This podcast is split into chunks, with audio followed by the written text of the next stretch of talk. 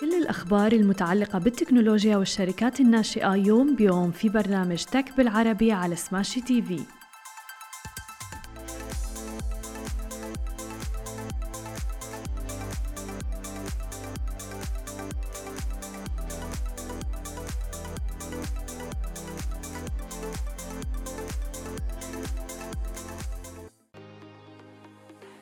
صباح الخير. عناوين اليوم إيلون ماسك يعيد ترامب إلى تويتر. إنستغرام تطلق NFTs وأبل توقف أحد أهم منتجاتها وقطاع السفر في تعافي. يا أهلا وسهلا فيكم ببرنامجكم تك بالعربي. معكم أنا هالة بسام ومعنا بخلف الكواليس علي. خلونا نبدأ بأخبارنا لليوم ونحكي عن مواقع التواصل الاجتماعي وتحديدا منصة تويتر. قال إيلون ماسك اللي رح يصبح قريبا مالك موقع تويتر إنه رح يعيد حساب الرئيس الأمريكي السابق دونالد ترامب المحظور على المنصة. وأبرم إيلون ماسك تحديدا في الآونة الأخيرة مثل ما عم نشوف آه، صفقة بقيمة تقريبا 44 مليار دولار للاستحواذ على منصة مواقع التواصل الاجتماعي الشهيرة تويتر. آه، وأطلق إيلون ماسك على نفسه اسم مطلق حرية التعبير أيضا آه، وأدى ذلك إلى تعليق حساب دونالد ترامب بالفترة الأخيرة اللي كان بضم أكثر من 88 مليون متابع. طبعا كل هذا أدى إلى أسكات البوق الأساسي اللي كان يتحدث من خلاله قبل أيام من نهاية فترة رئاسته. ويأتي بعد سنوات من الجدل حول كيفية قيام الشركات وتحديدا شركات التواصل الاجتماعي بإدارة حسابات الزعماء العالميين الأقوياء. وحضر ترامب بشكل دائم من تويتر بعد فترة وجيزة من أحداث الشغب اللي صارت بالسادس من يناير كانون الثاني في مبنى الكونغرس الأمريكي تحديدا. وأشار موقع تويتر في قراره إلى خطر حدوث مزيد من التحريض على العنف في وقت سابق. أيضا قال ترامب أنه لن يعود إلى تويتر حتى إذا تم استعادة حسابه. وبدلا من ذلك أخذ يروج لمشروعه الخاص على وسائل التواصل الاجتماعي وهي منصة Truth Social اللي لم تكن اونلاين حتى الآن والناس ما عم يستخدموها آه، حتى الآن ولكن موجودة بأكثر التطبيقات اللي تم تحميلها على مواقع التواصل الاجتماعي من ال App Store وإذا بدنا نحكي أيضا عن مواقع التواصل الاجتماعي ولكن ننتقل إلى Meta؟ فيسبوك وإنستغرام. قال مارك زكربرج الرئيس التنفيذي لشركة إنستغرام إنه إنستغرام المملوك ل Meta بدأ في اختبار المقتنيات الرقمية أو الرموز الغير قابلة للاستبدال NFTs هذا الأسبوع حيث يشهد سوق ال NFT العالمي تباطؤ وأكد مارك زكربرج أن الشبكة الاجتماعية عم تختبر ال NFTs على إنستغرام تحديدا مع توفر وظائف مماثلة قريبا على فيسبوك.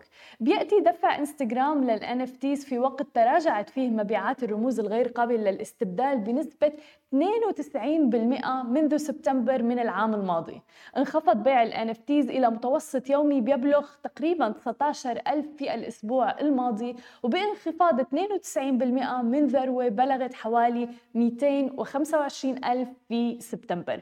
قد تكون ال NFTs كانت ترند والناس سمعوا فيها بأوائلها لذلك انهالت عليها الشركات والناس لحتى يروحوا يشتروا فيها ويستثمروا فيها. ولكن الآن بدأ الترند يعني في جمود خلينا نقول لسبب إنه الناس بدأت تبحث أكثر تعمل ال research تبعها حول الاستثمار في ال NFTs هل فعلا رح يكون له صدى في المستقبل أم لا؟ ولكن عم نشوف الآن إنه مواقع التواصل الاجتماعي مثل مثلا انستغرام وميتا فيسبوك آه، عم تتجه نحو إنه يكون موجود ال NFTs على منصتها وبالتالي هذا رح يدعم صناع المحتوى بشكل كبير وهذا يعني إنه العديد من الأشخاص قد يستثمروا في ال NFTs في المستقبل.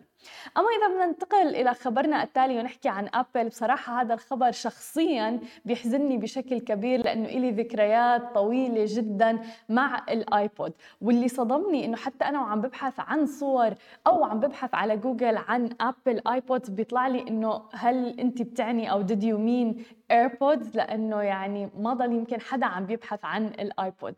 الآن رح توقف شركة ابل إنتاج آيبود بعد أكثر من 20 عام على إطلاق الأجهزة اللي أصبحت واجهة الموسيقى المحمولة ودشنت انطلاقتها الصاروخية لتصبح أكثر أكبر شركة في العالم. وقالت أبل في منشور على مدون يوم الثلاثاء أنه جهاز آيبود تاتش الإصدار الوحيد من مشغل الموسيقى المحمول اللي ما زالت عم بتبيعه رح يكون متوفر حتى نفاذ المعروض. ومنذ إطلاقه في عام 2001 واجه آيبود سيلا من مشغلات الموسيقى المنافسة قبل أن تطغى عليه الهواتف الذكية والبث الموسيقي عبر الإنترنت. ومع صعود نجم أجهزة آيفون ضمن مجموعة أبل نفسها أيضا. وخضع آيبود للعديد من التحديثات منذ إطلاقه وتم إصدار النسخة اللي بيجري استخدامها حتى الآن اللي هو الآيبود تاتش تحديدا كان في عام 2007 هو نفس العام اللي تم إطلاق فيه آيفون.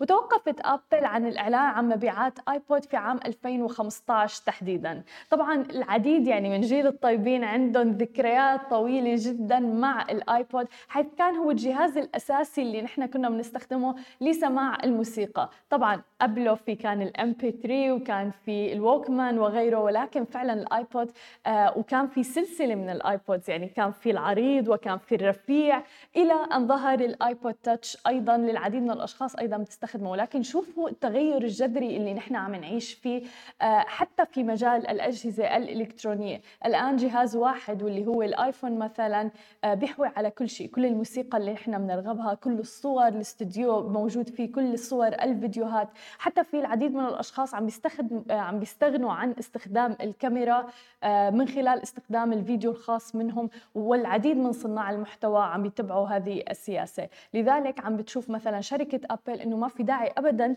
ل آه، يعني إنتاج أجهزة جديدة من ايبود حيث إنه ايفون بديل كافي لهذا الموضوع. وما ننسى أيضا ظهور تطبيقات عديدة عن الموسيقى مثل مثلا أنغامي سبوتيفاي وغيرها من المنصات الأخرى اللي بتحتوي على كل الموسيقى الخاصة فينا.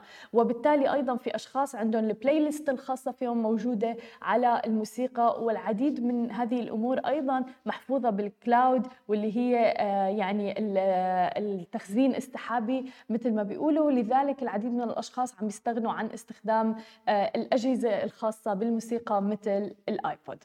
أما إذا بدنا ننتقل إلى خبرنا الأخير لليوم ونحكي عن عالم السفر والسياحة هذا من أكثر القطاعات التي تضررت آه، بجائحة كورونا.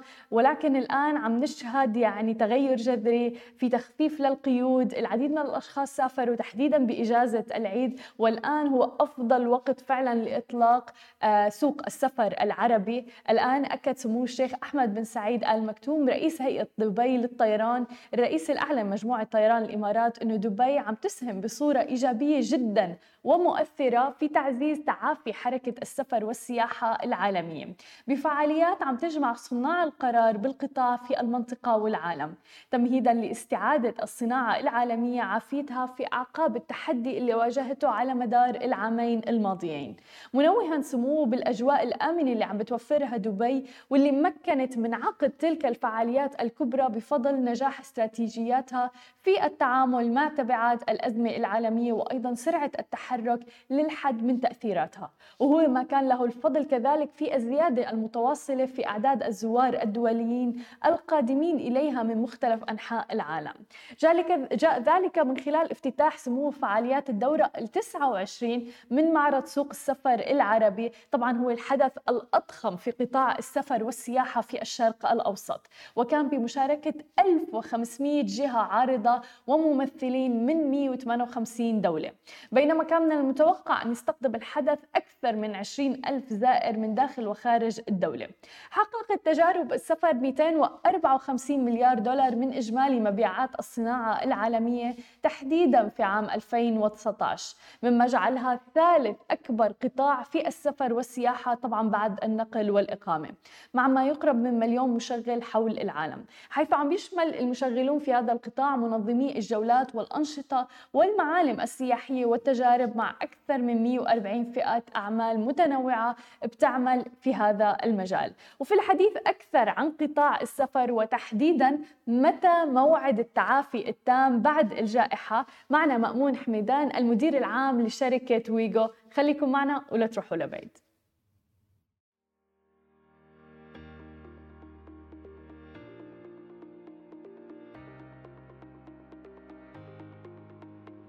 واليوم بدنا نحكي عن قطاع السفر ومعنا مأمون حميدان المدير العام لشركة ويجو. يا أهلا وسهلا فيك معنا اليوم.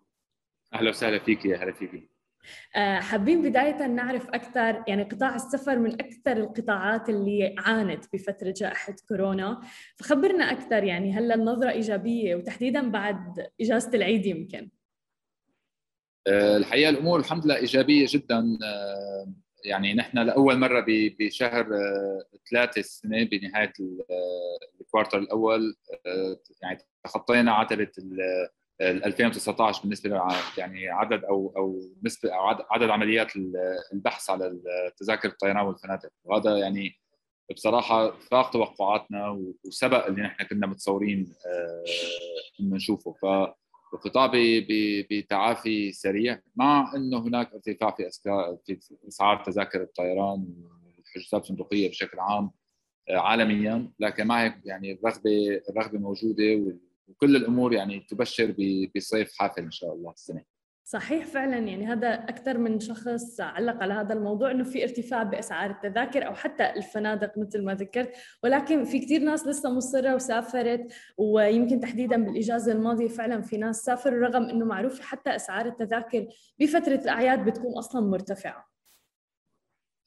صحيح الأسعار بشكل عام ارتفعت وسطيا بحوالي 27% مقارنة بالسنة الماضية وحتى مقارنة ب ب 2019 اللي هي كانت يعني ما قبل الجائحة. فبشكل عام الأسعار لا شك مرتفعة. مع هيك بنلاقي الرغبة. في تغيير بالترند بشكل عام يعني. عم نشوف الناس لساتها عم تسافر رحلات قصيرة وجهات قريبة لحد الآن يعني خلينا نقول. لكن بدأنا نشوف مع حجوزات تشبه ما كنا نشوفه قبل الجائحة اللي هي العائلات مرة ثانية ال big groups يروحوا يسافروا آه، لمدة 15 يوم أو 20 يوم. بدأنا نرجع نشوف ولو إنه بشكل أبطأ من الباقي. لكن ما زال اليوم الترند هو الوجهات القريبة الوجهات في ال proximity على الأقل إذا حكينا من المنطقة من هون من دول مجلس التعاون يعني.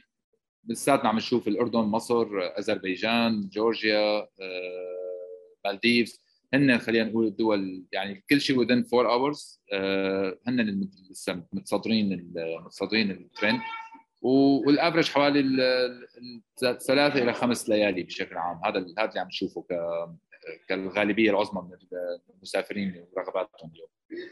جميل لأنه هي من الشغلات اللي لفتتني موضوع المدة تبع الرحلات.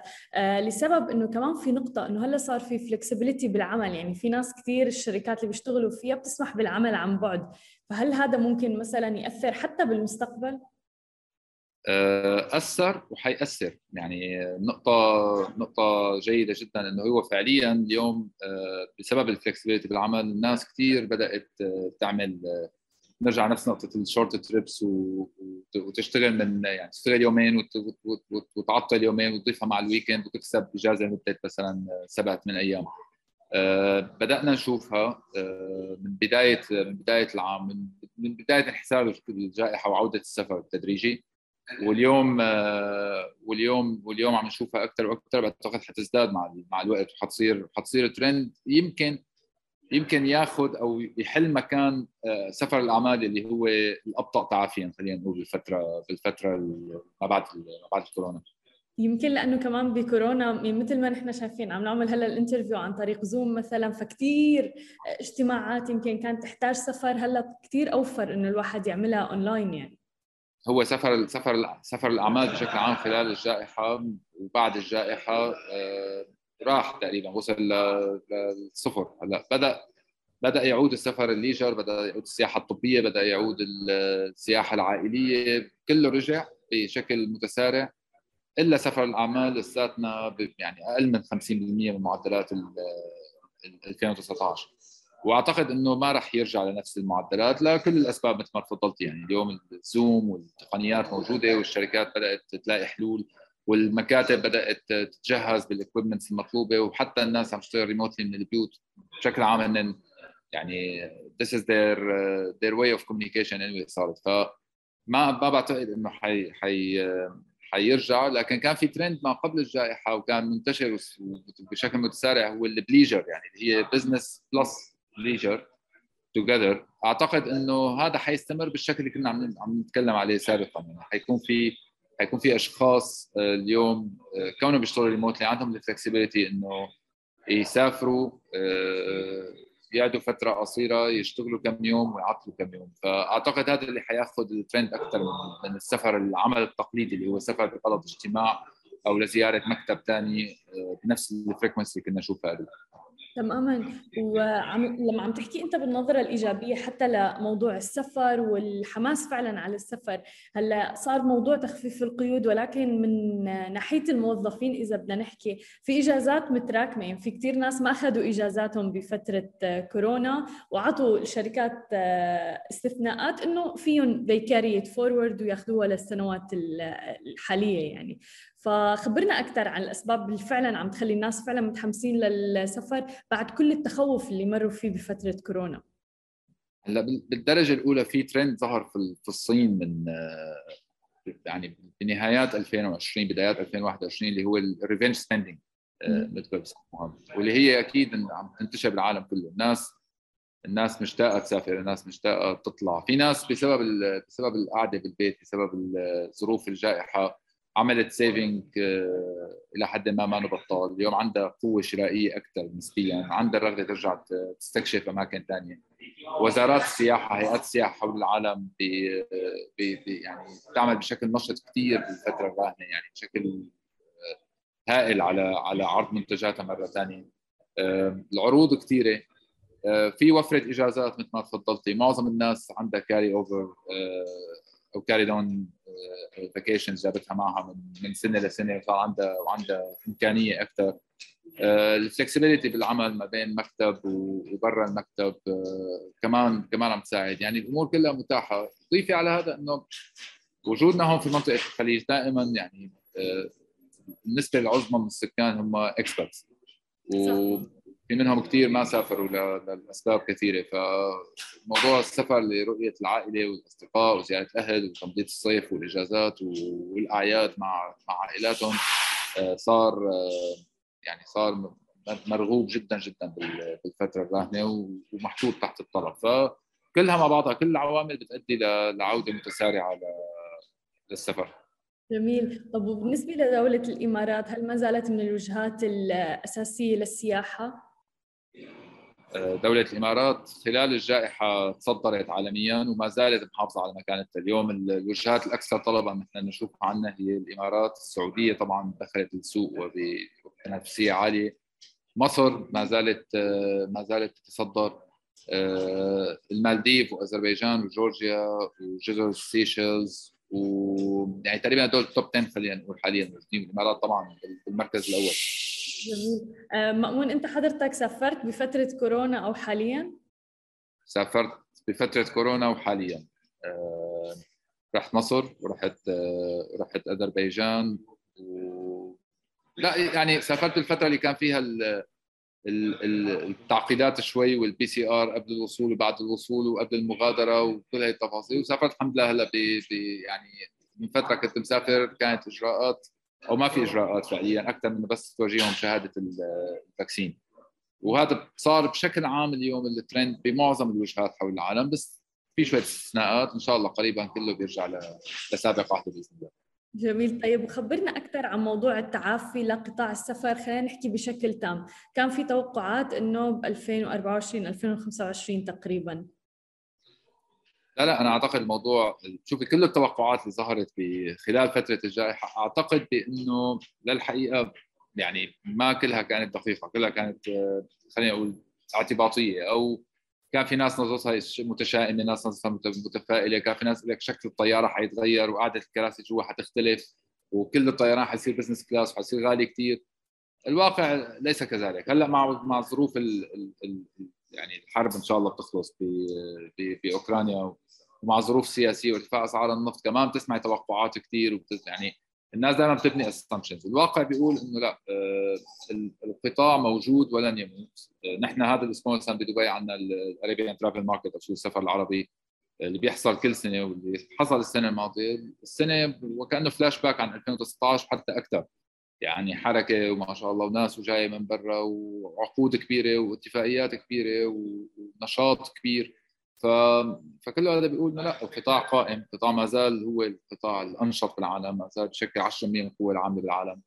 أه... لا أعتقد ما حيكون 2024 ولا 25 أنا أعتقد إنه نحن حن حنوصل على الأقل في المنطقة هون يعني نتكلم الشرق الأوسط والخليج وشمال إفريقيا أعتقد نحن حنوصل لمعدلات 2019 في نهاية هذا العام إن شاء الله. جميل. كحجم عمل خصوصا انه عندنا عندنا يعني عندنا كأس العالم جاي بآخر بآخر السنة خلصنا إكسبو. يعني كمان إحنا محظوظين بإنه في منطقة فيها أكبر أكبر حدثين عالميين حصلوا خلال خلال نفس السنة.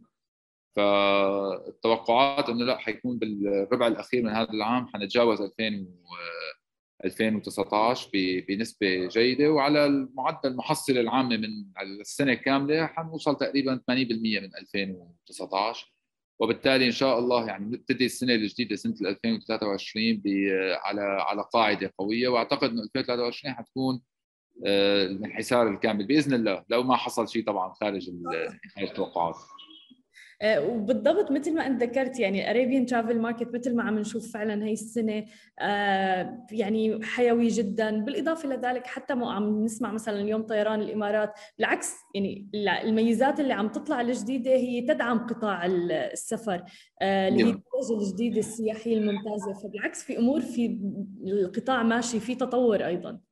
معظم شركات الطيران اللي كنا عم نجتمع معهم امبارح واليوم يعني في عدد وجهات إضافية كل شركة في تنافس على عدد وجهات اضافيه عم عم عم يحطوها. يعني طيران سعودي 10 وجهات جديدة، الطيران الاماراتي يمكن 15 جديدة، طيران flyadeal الطيران الاقتصادي السعودي بدأ يخرج من السعودية ويخرج منطقة ويتوسع خارج منطقة ويضيف وجهات جديدة وب frequency عالية. آه، طلبات الطائرات الجديدة عادت تقريبا مستواها السابق. معظم الشركات عم تحط عم تحط طلبات جديدة. فبالتالي الحمد لله. و fingers crossed مثل ما بيقولوا بدأت الأمور تعود آه، للسابق عهدها وفي في في نشاط في نشاط كبير السنة بال ATM جميل جدا. كل الشكر لك مأمون لوجودك معنا يعني. وشكرا لكل هي ال insights الأكثر من رائعة. شكرا لك شكرا شكرا لكم جميعا. شكرا لكل الناس اللي تابعونا. كان معنا مأمون حميدان المدير العام لشركة ويجو. أنا بشوفكم بكرة بنفس الموعد. نهاركم سعيد جميعاً.